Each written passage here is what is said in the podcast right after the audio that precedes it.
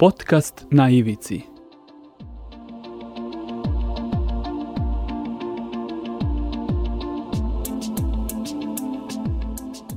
Na ivici. Pozdrav ljudi, otvaramo novu epizodu podcasta na Ivici koji se emituje na portalu storyteller.rs. E, Današnja tema je još jedna tema kompleksna i donosi tužne životne priče ljudi, a ovih dana je opet, nažalost, aktuelna. E, Gost podcasta je danas e, Radoš Đurović, izvršni direktor Centra za zaštitu i pomoć tražiocima azila. Radoše, e, hvala vam na odvojenom vremenu i na gostovanju u podcastu na Ivici. Hvala vama.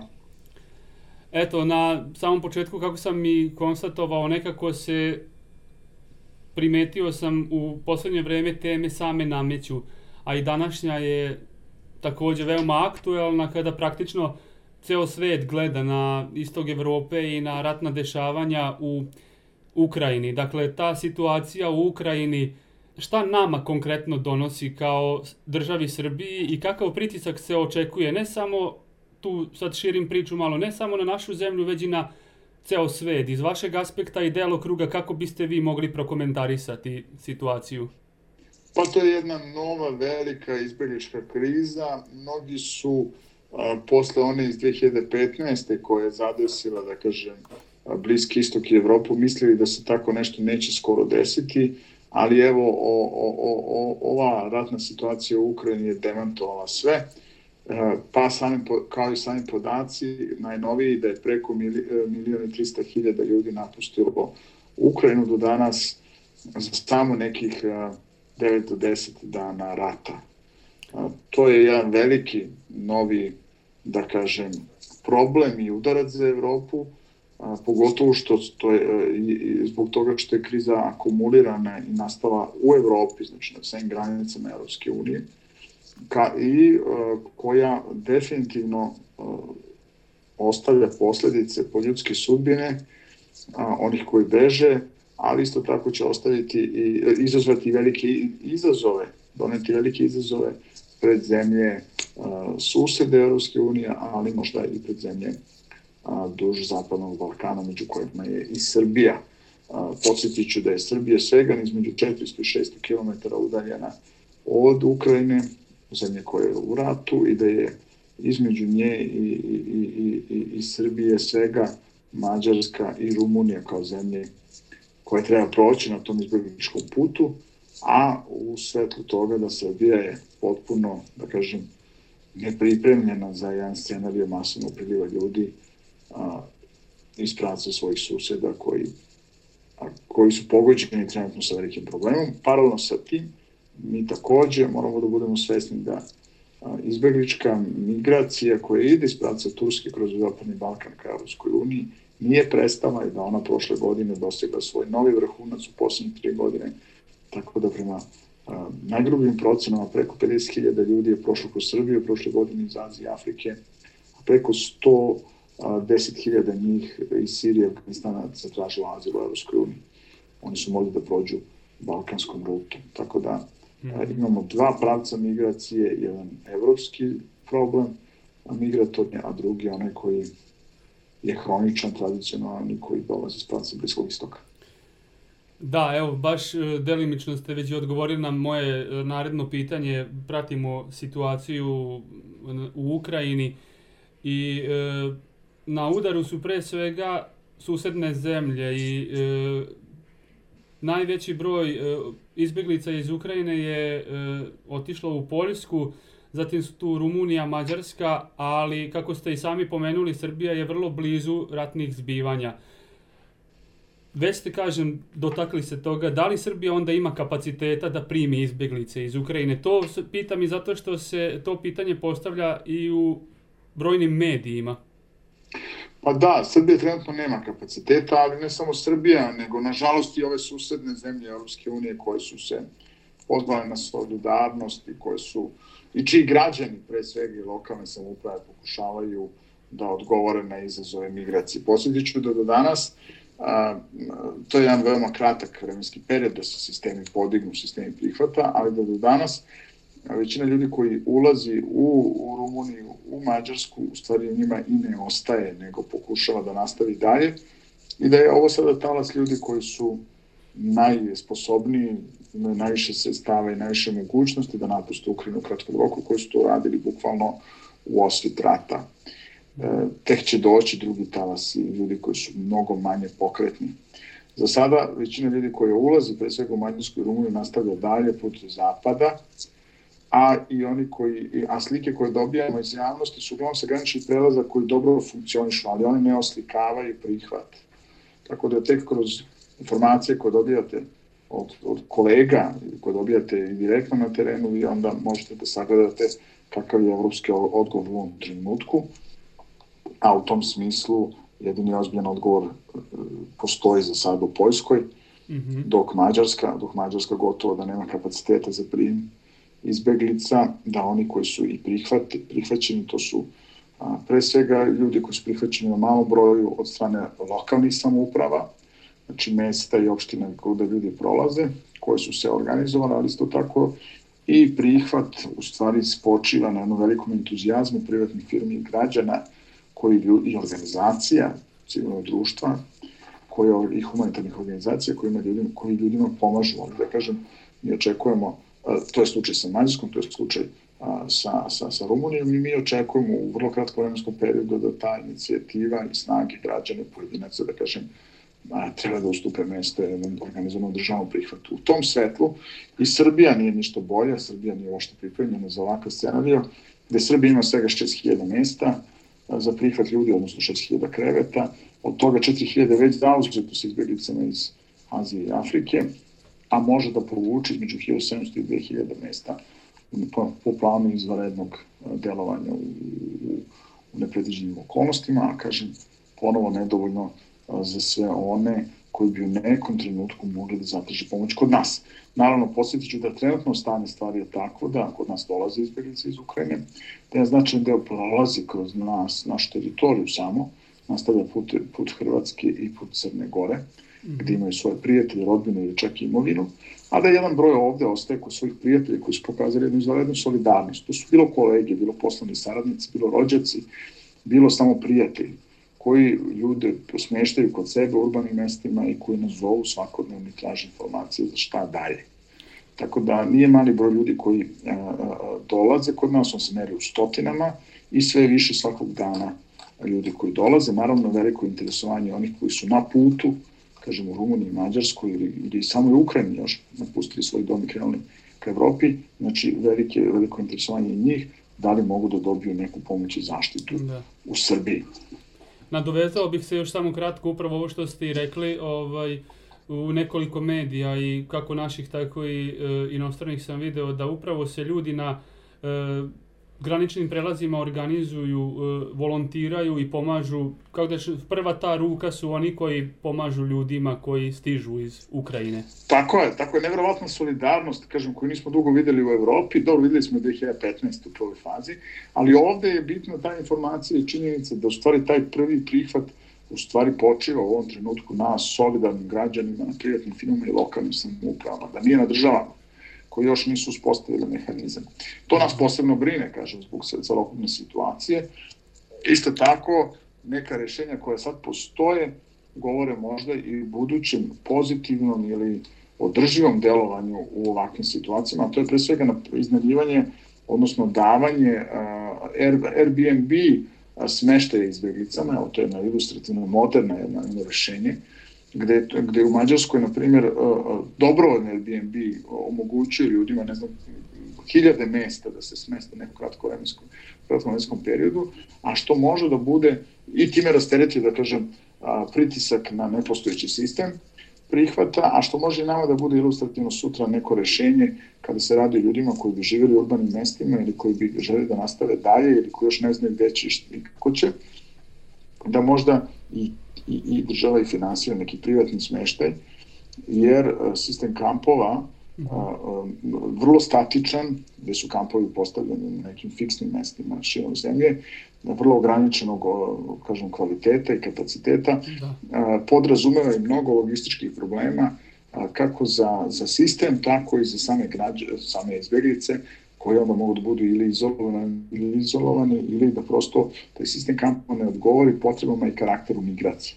Tako da je to nešto što je vrlo interesantno i mi već sada možemo da izločimo različite pouke iz pristupa koji je to ad hoc sam izrastao u zemljama Europske unije koje su susedne e, e, Ukrajini, a zasniva se na, da kažem, solidarnosti koju podsjećam ne treba zloupotrebiti od strane državnih sistema jer ta građanska solidarnost može kratko da traje i ona za smisao ima da se odgovori urgentno, ali, ali na nju mora se nadoveže jedan održiv državni odgovor u prihvatu izbjeglica. Za, da, zapravo nije, nije reč o sistematskom odgovoru, nego prosto da. ljudskoj solidarnosti. Nije, u paralelno sa tim bitno je da, da, da, da naši slušalci znaju da je usvojen akt o privremenoj zaštiti za izbjeglice na nivou Europske unije, koja taj akt tek treba da se razrađuje i on podrazumeva pravo na rad i pravo na boravak a, u zemljama Europske unije za sve izbjeglice iz, e, iz, iz Ukrajine. Međutim, tu se sada javljaju mnogo pitanja, pre svega koje su to zemlje gde bi izbjeglice trebalo da dobiju to boravište i rad,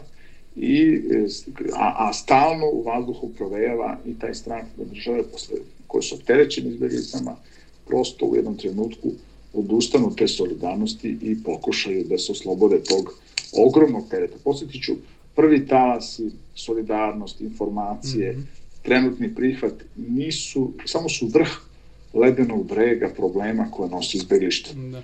Vi trebate ljude da hranite, trebate da ih obučete, vi to treba da radite na dugi staze, treba nastaviti napraviti mehanizam njihovo uključivanje u društvo, a to su ogromni izazovi ako je reč o stotinama hiljada ljudi za bilo koje, zemlje, bilo koje od zemalja uh, u Evropskoj uniji i, i van nje, a koje se nalaze u Evropi, između ostalog i za Srbiju. Podsjetiću isto za vas, možda jako bitno da znaju naši građani, preko između 20 i 30 hiljada građana naših ima ili rodbinske ili prijateljske ili poslovne odnose i kontakte sa Ukrajinom, pa ako uzmete samo taj broj i pretpostavite da i oni mogu da prime nekog od svojih prijatelja, jednu ili celu porodicu, na primjer tri članovi, onda vam je jasno koji obim, odnosno broj ljudi bi mogao u nekom, u nekom slučaju da dođe i ostane u Srbiji, znači radi se o ogromnim brojkama, da. možda mogu da dođu do 90.000, da kažem. Naravno, ovo su samo sve procene, sve, sve spekulacije za sada. Hipotetički nešto, je, da, da, da. Da, i ne, ne, nezahvalno je sada proceniti, mnogo, koliko će ljudi doći kod nas, jer, jer, jer to zavisi od mnogo okolnosti, od mhm. ponašanja mm. naših suseda, od, od intenziteta migracije, od dogovora na evropskom nivou, od ponašanja pojedinih zemalja u kasnoj fazi, da kažem, izbjegličkog problema, tako da svi ti faktori nameću, nameću za nas obavezu, za naš sistem da se on pripremi na vreme i to je zadnji razlog zašto smo mi apelove vladi čim se desio ovaj problem prošle nedelje da se podhitno povećavaju smešteni kapaciteti i da se formira jedan organizovan prihvat i tim da. za, za reagovanje u ovim situacijama. Htio bih samo da pitam koliko recimo ima uticaja u ovoj priči to da koliko poverenja ima čovek koji je i njegova porodica, odnosno ljudi koji su zahvaćeni ratom i moraju da beže iz tog područja, koliko imaju poverenja u tu državu u koju se sklanjaju, recimo na primjer u našu zemlju, koliko ljudi iz Ukrajine imaju poverenja u, u, u Srbiju i da će se ovde zapravo osjećati bezbedno i sigurno? Pa to je sad jako, jako individualno ali mogu vam reći s iskustva, evo sada, do sada, kroz ovu izbježu krizu, kontakta sa mnogim ljudima koje mi imamo domaćih ili, ili, ili samih izbeglica, ovaj, domaćih koji zovu za svoje rođake izbeglice kojima su u kontaktu ili samih izbeglica koje nam se javljaju, mi vidimo da a, a, postoje dva problema. Jedan problem je dezinformacija koja postoji vezana za našu zemlju, odnosno strah da je a, Srbija proruski orijentisana, odnosno da, da je postavljena antagonistički prema, prema Ukrajincima, pa vrlo često je potrebno dosta informacije, ubeđivanja da ljudi shvate da, da ovde neće biti izloženi nikakvom, nikakvim problemima, da neće imati nikakve represave, reprekusije, neće trpeti Osuđivanja ovde. i slično, da. Tako je, tako je, to je jedan strah ljudi koji, koji, su, koji dolaze i koji su u strahu da prođu voda. A sa druge strane, problem koji postoji jeste kako domaći građani, rođaci i prijatelji da, da izdrže taj teret izbeglištva, jer oni su prihvatili porodice, rasteretili sistem i sami već zovu i ne znaju kako će na duži rok da oni snesu, finansijski podnesu, da kažem, tu, tu svoju solidarnost sa, sa, sa, sa najbližima. I to, i, to, I to je problem koji je za nas jako bitan i mi to pokušavamo da iskomuniciramo sa, sa, sa vladom i sa državom mošte, sa komisarijatom za izbjeglice i migracije, upravo u svetlu to smeštanja izbjeglica koje čak ako dođu i sada kod rodbini prijatelja ili ostanu u privatnom smeštaju, u hotelu, hostelu, negde gde god, neće tako moći da dugo borave. Tako da ovo olakšanje možda za nas u pogledu prvog talasa i pritiska na sistem e, neće biti olakšanje do veka, nego će vrlo brzo se pretvoriti u jedan zahtev da se i ti ljudi održivo smeste u zemlji. Dolaze izbjeglice, znači velika je zabluda ako mislimo da, a to mnogi misle, da pošto mi nismo na zemlja članica Ruske unije, pošto mi nismo jedan, jedno društvo koje je bogato, da, da, da ukrajinski izbjeglice će prosto nas izbegavati jer to je jedan ogroman broj ljudi koji dolaze i ljudi koji imaju kontakata sa našim društvom, jedan određen broj njih, što znači da im je jezik sličan, razumljiv donekle, to znači da je kulturološki, e, geografski, mi smo bliski. To isto znači da da, da mnogi ljudi za sada ne razmišljaju na način kako razmišljaju možda izbjeglici iz Azije Afrike koje, koje, koje su popuno napustili domove dugo uh, u prošlost, pred, pred mnogo vremena, pa sad gledaju da se smeste negde gde neće sigurno imati dalje strahove o ratu i tako dalje. Ovo su ljudi koji su iznenadno morali da napuste svoje domove, ljudi koji se mnogi nadaju da će da se vrate. Još juče su išli možda... na posao, bukvalno i to, i danas već tako. je njihov grad razoren ili kako već. Da. Tako je, i onda, i onda i oni gledaju da se, mnogi među njima gledaju da se ne udoljavaju od Ukrajine toliko da ne mogu da se vrate.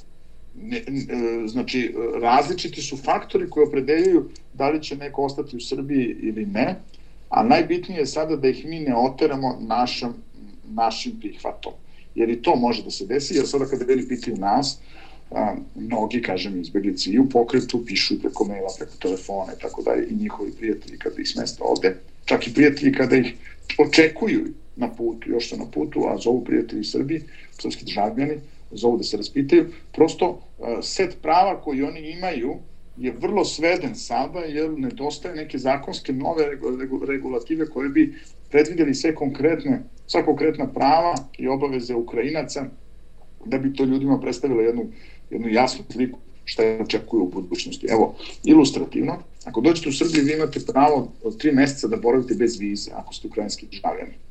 Međutim, šta, šta za vreme tog perioda? Da li vi kao ukrajinski građani imate, da li imate pravo na, na rad, da li imate pravo na socijalnu pomoć? To ništa nije predviđeno, nemate ta prava, ništa nije predviđeno zakonom, iako sada mi dobijamo uveravanja da će vrlo brzo država da blagonaklono gleda prema ukrajinskim izbjeglicama i da usvoji neki akt, ali oni još nisu usvojeni. Mm -hmm. Sa druge strane, vi imate opciju da tražite azil, odmah čim uđete u Srbiju, znači privremene zaštite nema trenutno kod nas, da tražite azil, kada bi onda imali pravo i, i na rad posle 9 meseci, kada bi, tog postupka, kada biste imali pravo na smeštaj u kampu za izbeglice ili na privatnoj adresi uz neku malu socijalnu pomoć, novčanu nakladu, izvijem se za a, onda imate pravo, da kažem, i na, na identifikacijonu ispravu, imali ste u stvari tražilac azila. Taj drugi put a, isto a, obezbeđuje samo jedan set prava koji nisu dovoljno rigidna su prava da bi, da bi, da bi mnoge građane, da kažem,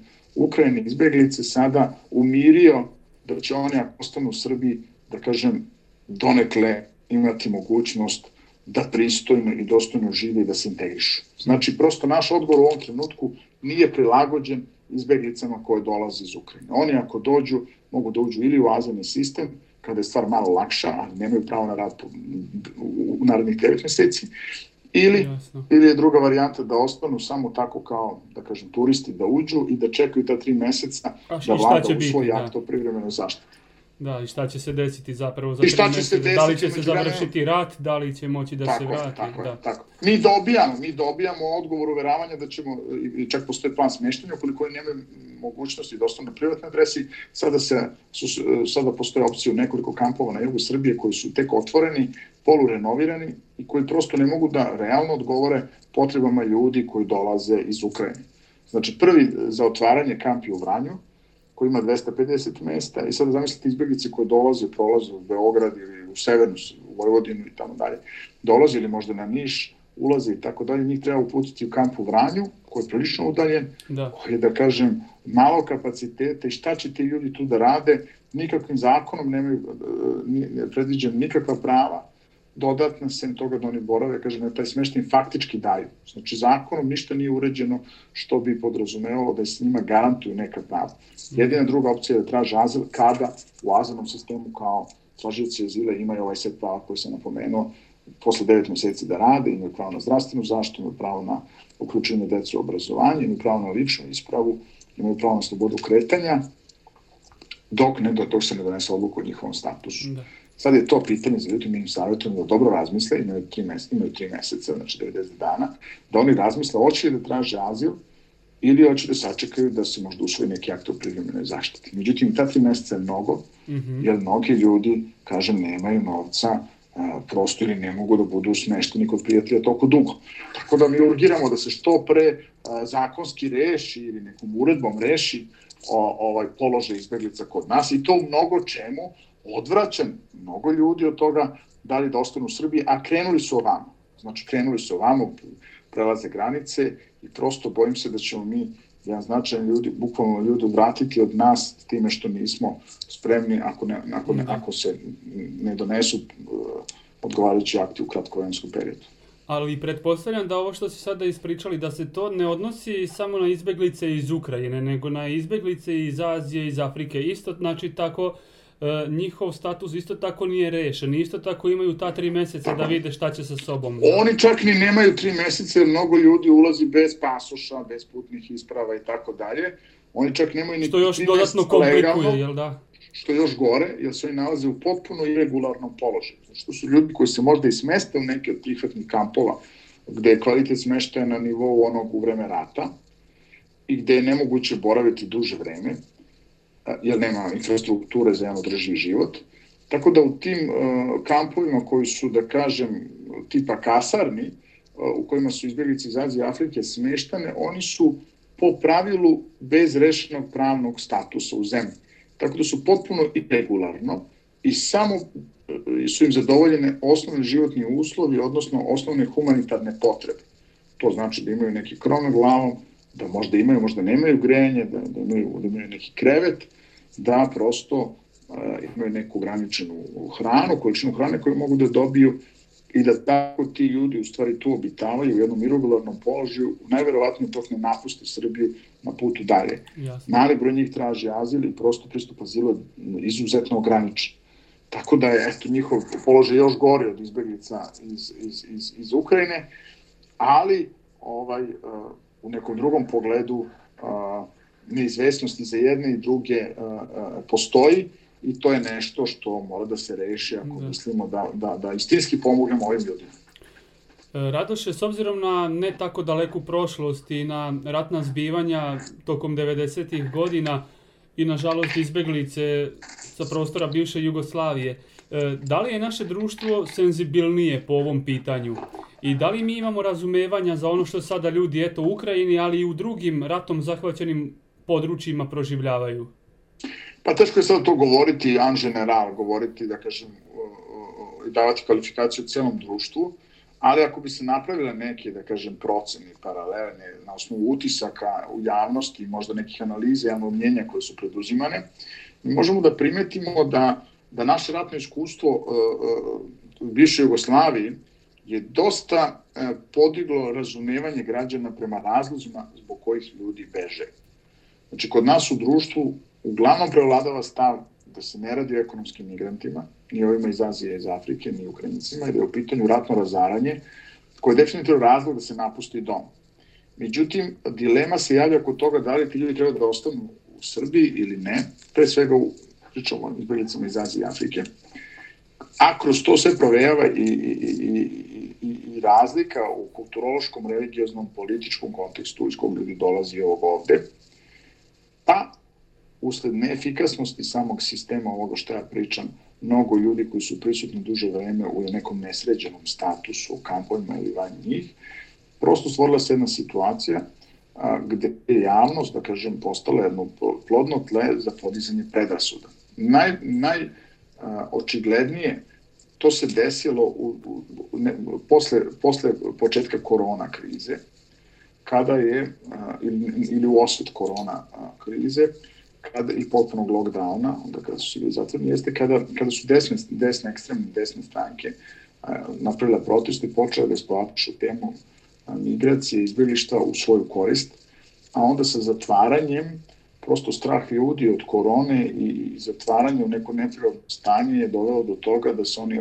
okrenu internetu i društvenim mrežama na kojima su počele da kruže neistinite i senzacionalističke vesti o migrantima izbeglicama, a imajući u vidu, da kažem, a, i raspoloženje građana, informacije koje su oni dobijali od predstavnika institucije, koje su bile vrlo često a, ne, netačne ili su bile usmerene da ih umire, a, a građani su izgubili poverenje u te institucije i sistem, pa su poverovali a, društvenim mrežama. I u tom smislu mi beležimo jasno veliku, veliki rast a, ksenofobije i da kažem antimigratskog raspoloženja tokom same pandemije, a, pre svega sa početkom ovim prvim danima pandemije kada je došlo do, do lockdowna, kada preko 320.000 ljudi prati a, društvene mreže a, a, koje su nudile te sadržaje koji su često bili neistiniti ili usmereni na izazivanje straha i predrasuda a prema migrantima, izbjeglicama iz Azije i Afrike. Kada kažem 320.000, to je znači skoro svaki treći a, čovjek u Srbiji koji ima društvene mreže je, bio, je bio na to jednoj od, od naj, naj, najvećih, a, najvećih grupa na Facebooku koje su u stvari promovisale taj jedan antimigratski stav. To je bilo dramatično otrežnjenje za javnost, ranije i te indikatori, da indicije da je postojalo ovako raspoloženje, da je ono bujalo, su postojali, kažem, i bili vidljivi sistemi, pre svega su bili zasnovani na, na strahu i na nezadovoljstvu zbog informacije koje ljudi dobijaju iz lokalnih sredina, dobijaju od strane komisarijata i drugih predstavnika institucija koji su često umirivali građane da nema problema, a građani su na terenu, u gradovima i lokalnim samoupravama videli mnogo ljudi koji su bili u potrebi, pa koji su u nekom trenutku možda predstavili pretnju po njima za bezbednost, isto tako besprizorni kako su izgledali, oni su dodatno ulivali strah kod naših građana. Tako da, da, da sve, sad taj amalgam problema koji je e, eruptirao u vreme izbegličke, u vreme korona krize je znači doveo do, do, do dramatičnog uh, smanjenja, da kažem, razumevanja prema izbeglicama iz Azije Afrike. Kada govorimo o Ukrajincima, čini mi se da je ovde kao i u Evropi drugačiji, drugačiji odgovor i da, pošto gledamo neposredno ratno dejstva u našem komšiluku, koje ne možemo da ignorišemo, koje moramo da znamo i da se informišemo, mislim da u tom smislu a, razumevanje razloga izbeglištva i potrebe da se ljudima pomogne je samo ponovo poraslo kod nas, a to se primjećuje i kroz ponovo društvene mreže i kroz a, medije, gde mnogi građani, da kažem, pojedinačno žele da pomognu, žele da ustupe neke svoje domove a, ili vikendice, a isto tako jedan pozitivan talas izveštavanja da. od strane medija utiče na sve to. Na to se nadovezuje i stav političara, koji pozivaju sada da se izbjeglicama pomogne, a koji su i ranije bili jedan bitan bitan segment koji je uticao na celokupno javno mnjenje. Tako da postoji razlika i mislim da kao i u Mađarskoj i drugim zemljama, i Poljskoj i drugim zemljama Evropske unije, a, odnosno na izbjeglicama iz Ukrajine, a, poprime neku sasvim drugu dimenziju i u našem društvu. Jasno. E, hvala vam na ovim e, detaljnim i iscrpnim odgovorima, a e, krenuli smo nekako odmah u suštinu, ali bih ukratko još samo voleo da se zadržimo i na tome da se pozabavimo i ključnim rečima, odnosno ključnim pojmovima u ovoj priči. Dakle, ukoliko biste objasnili taj odnos pojmova izbeglica, migrant, tražilac azila, zapravo sve deluje slično, a nije. Pa, samo zavisi od toga da li institucije i sistem radi svoj posao u utvrđivanju statusa ovih ljudi ili ne radi, jer svi su ljudi migranti. A migrant je onaj ko napusti svoj dom i migrira negdje iz različitih razloga. Da biste vi utvrdili koji su razlozi u pitanju, vi bi trebali da sprovedete jednu proceduru, znači da utvrdite osnovanost njihovog razloga za migriranje. A, migrant vrlo često poprima i neki a, a, a, a, kod građana izaziva i utisak da se radi o ljudima koji možda mogu da budu ekonomski migranti, koji možda mogu da budu migranti, radni migranti. Da nužno ne, ne asocira na izbeglištvo, odnosno na izbegle imigrante zbog rata a, ili nekih drugih razloga koji su ih primorali da napuste svoj dom, a da nisu, da kažem, finansijskog karaktera. Pa u toj grupi migranata koji dolaze, posebno, znači, mesto a, imaju izbeglice, odnosno oni koji su pobegli od rata ili progona, i posebno mesto imaju oni koji su izbegli, ali traže azil, pa su tražioci azila. Kada govorimo, odnosno traže utočište u konkretnoj zemlji, koji, znači kada govorimo o izbeglicama, znači izbeglice su po pravu oni koji su završili taj postupak procene i utvrđivanja osnovanosti razloga za boravak u jednoj zemlji i njima je priznato to njihovo izbeglište. Pa bi, znači, u pravnom kontekstu izbeglica znači lice koje je dobilo azil, dobilo utočište, odnosno kome je priznato status lica, izbeglog lica zbog rata ili progona u zemlji. Tražilac azila bi bilo izbeglo lice koje je u postupku da mu se utvrdi da li je ono izbeglica ili nije, a migrant je, kažem, najšira kategorija. Mm -hmm. Kod nas je bitno to irregularni migranti, mnogi ljudi ulaze bez putnih isprava, dokumenta ili, na, ili ulaze na nelegalan način, prosto nemaju vize, nisu mogli da čekaju svojim zemljama da se, nisu mogli da dođu do naših ambasada i naš zakon to isto poznaje a, kao dozvoljenu mogućnost da u slučaju da nemaš putnu ispravu ili validan osnov ulazka u Srbiju, ti možeš ilegalno da uđeš u zemlju, ali da zatražiš azil ne bi li spasio svoj život. Tako da, eto, to su sve različiti termini i pojmovi koji normalno sa sobom povlače i različita prava i obaveze. Mm -hmm. Kada ste irregularni migrant, na vas, vi imate osnovna ljudska prava, pravo na život, pravo na zabrano mučenja, nasilja i tako dalje, ali ste dužni da rešite svoj pravni osnov boravka u zemlji što pre. Znači da se javite policiji i da onda ili pokrenete azil, zatražite azil, da se utvrdi da li ste izbeglica, ili prosto budete u nekom postupku udaljenja iz zemlje ili na drugi način rešite svoj osnov boravka.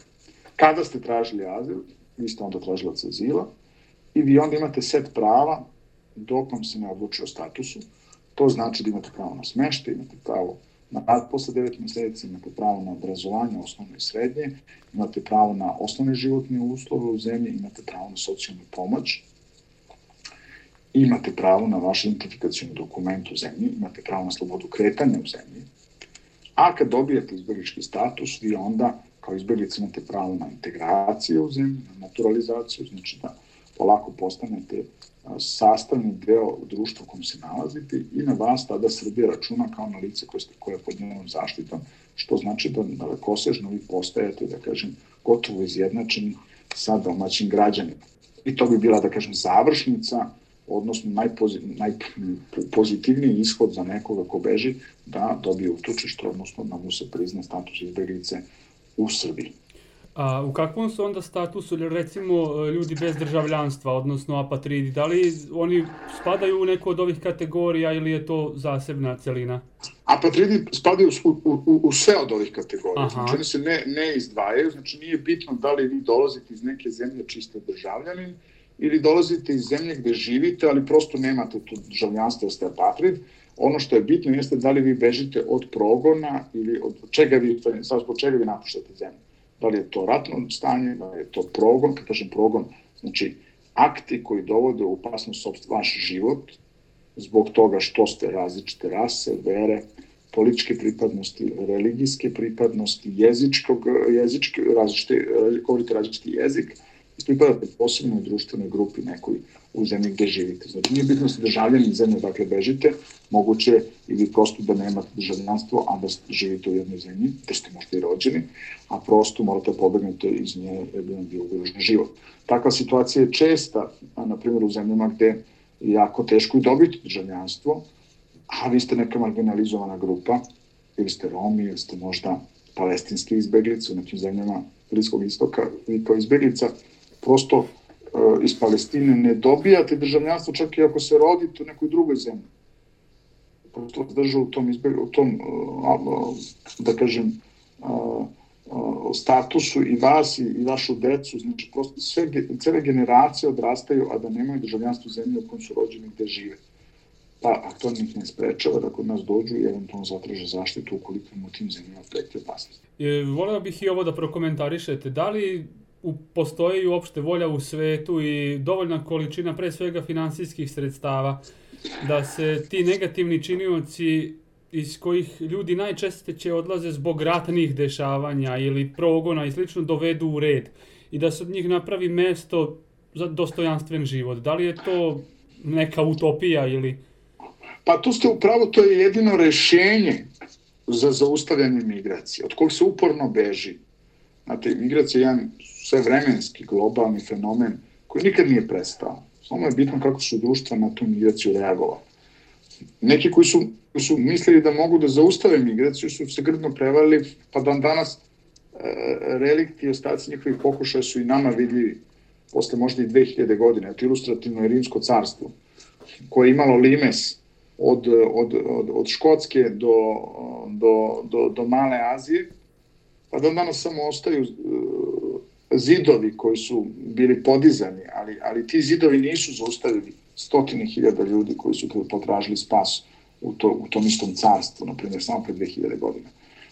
Kineski, kineski zid, ja isto takav primjer, pokušaja zaustavljanja migracije.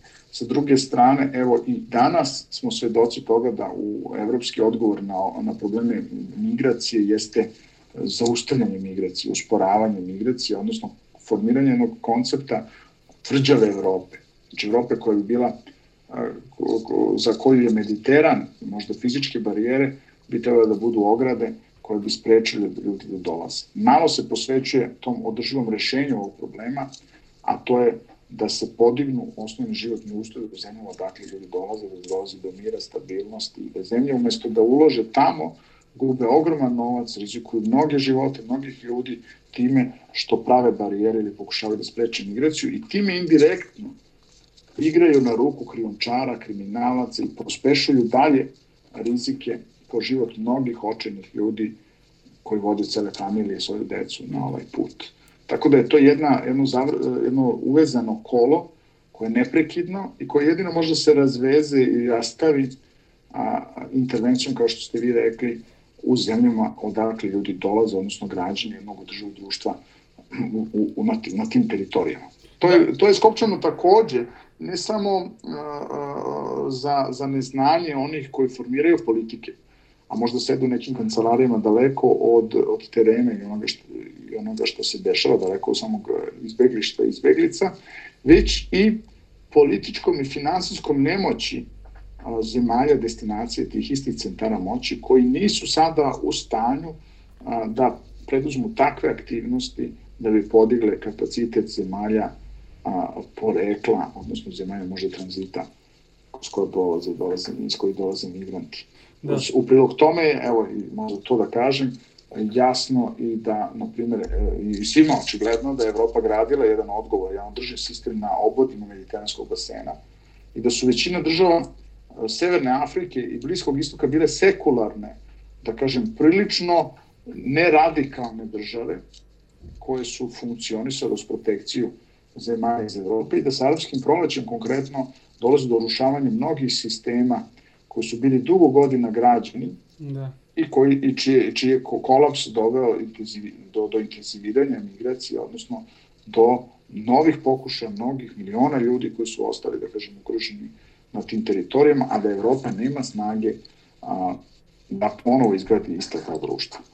Da, i mislim da je to čak malo i e, s jedne strane besmisleno, a sa druge strane i objektivno nemoguće da se e, neki delovi e, sveta naprosto ostanu prazni baš iz tog razloga što se ljudima ja ne verujem da, da čovek sada koji se, ne znam, rodi u Somaliji ili bilo gde, da ne bira gde će se roditi, ali da je njemu ta njegova država i najvažnija i on bi najviše voleo tu da ostane, ali prosto... Pa tako je, životni uslovi, da kažem, uh, klimatske promene, da. Uh, nasilje, rat, uh, čak i da kažem besparica, odnosno potpuno, potpuno siromaštvo, sigurno pokreće milione ljudi ka, ka, ka, ka mestima gde se bolje živi.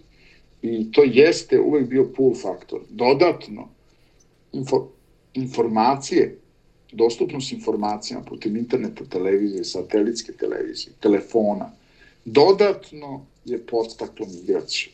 I to je novi izazov za zemlje destinacije koje sad već o tome razmišljaju.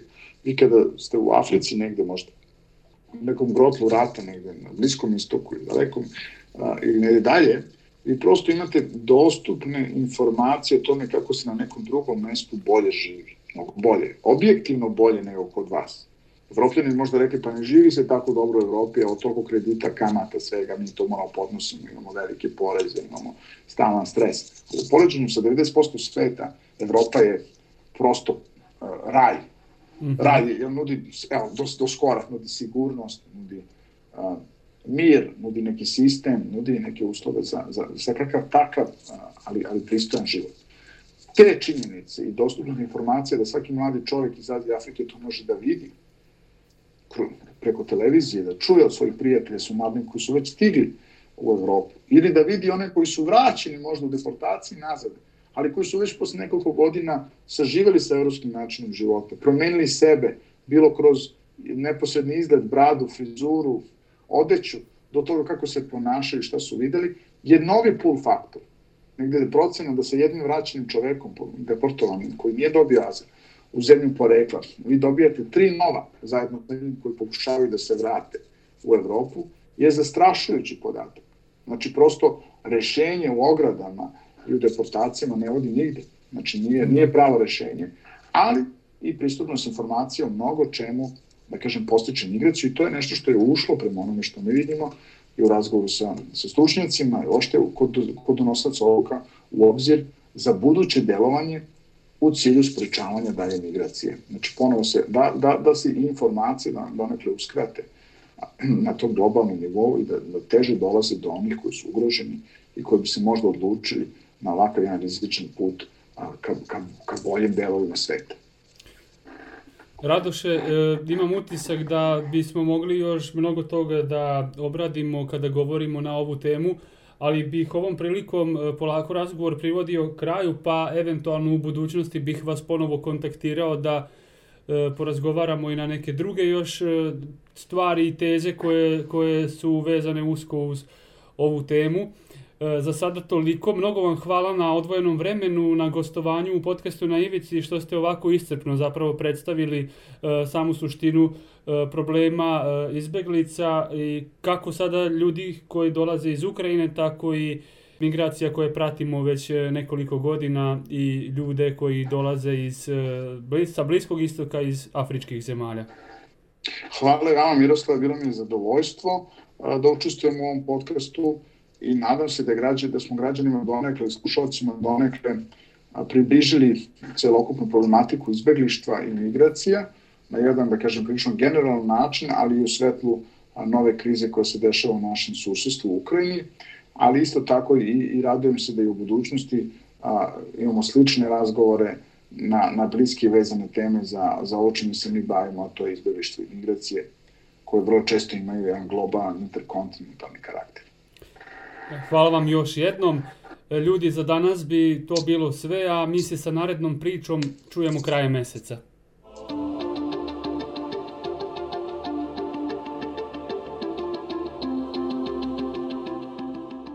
Podcast na ivici.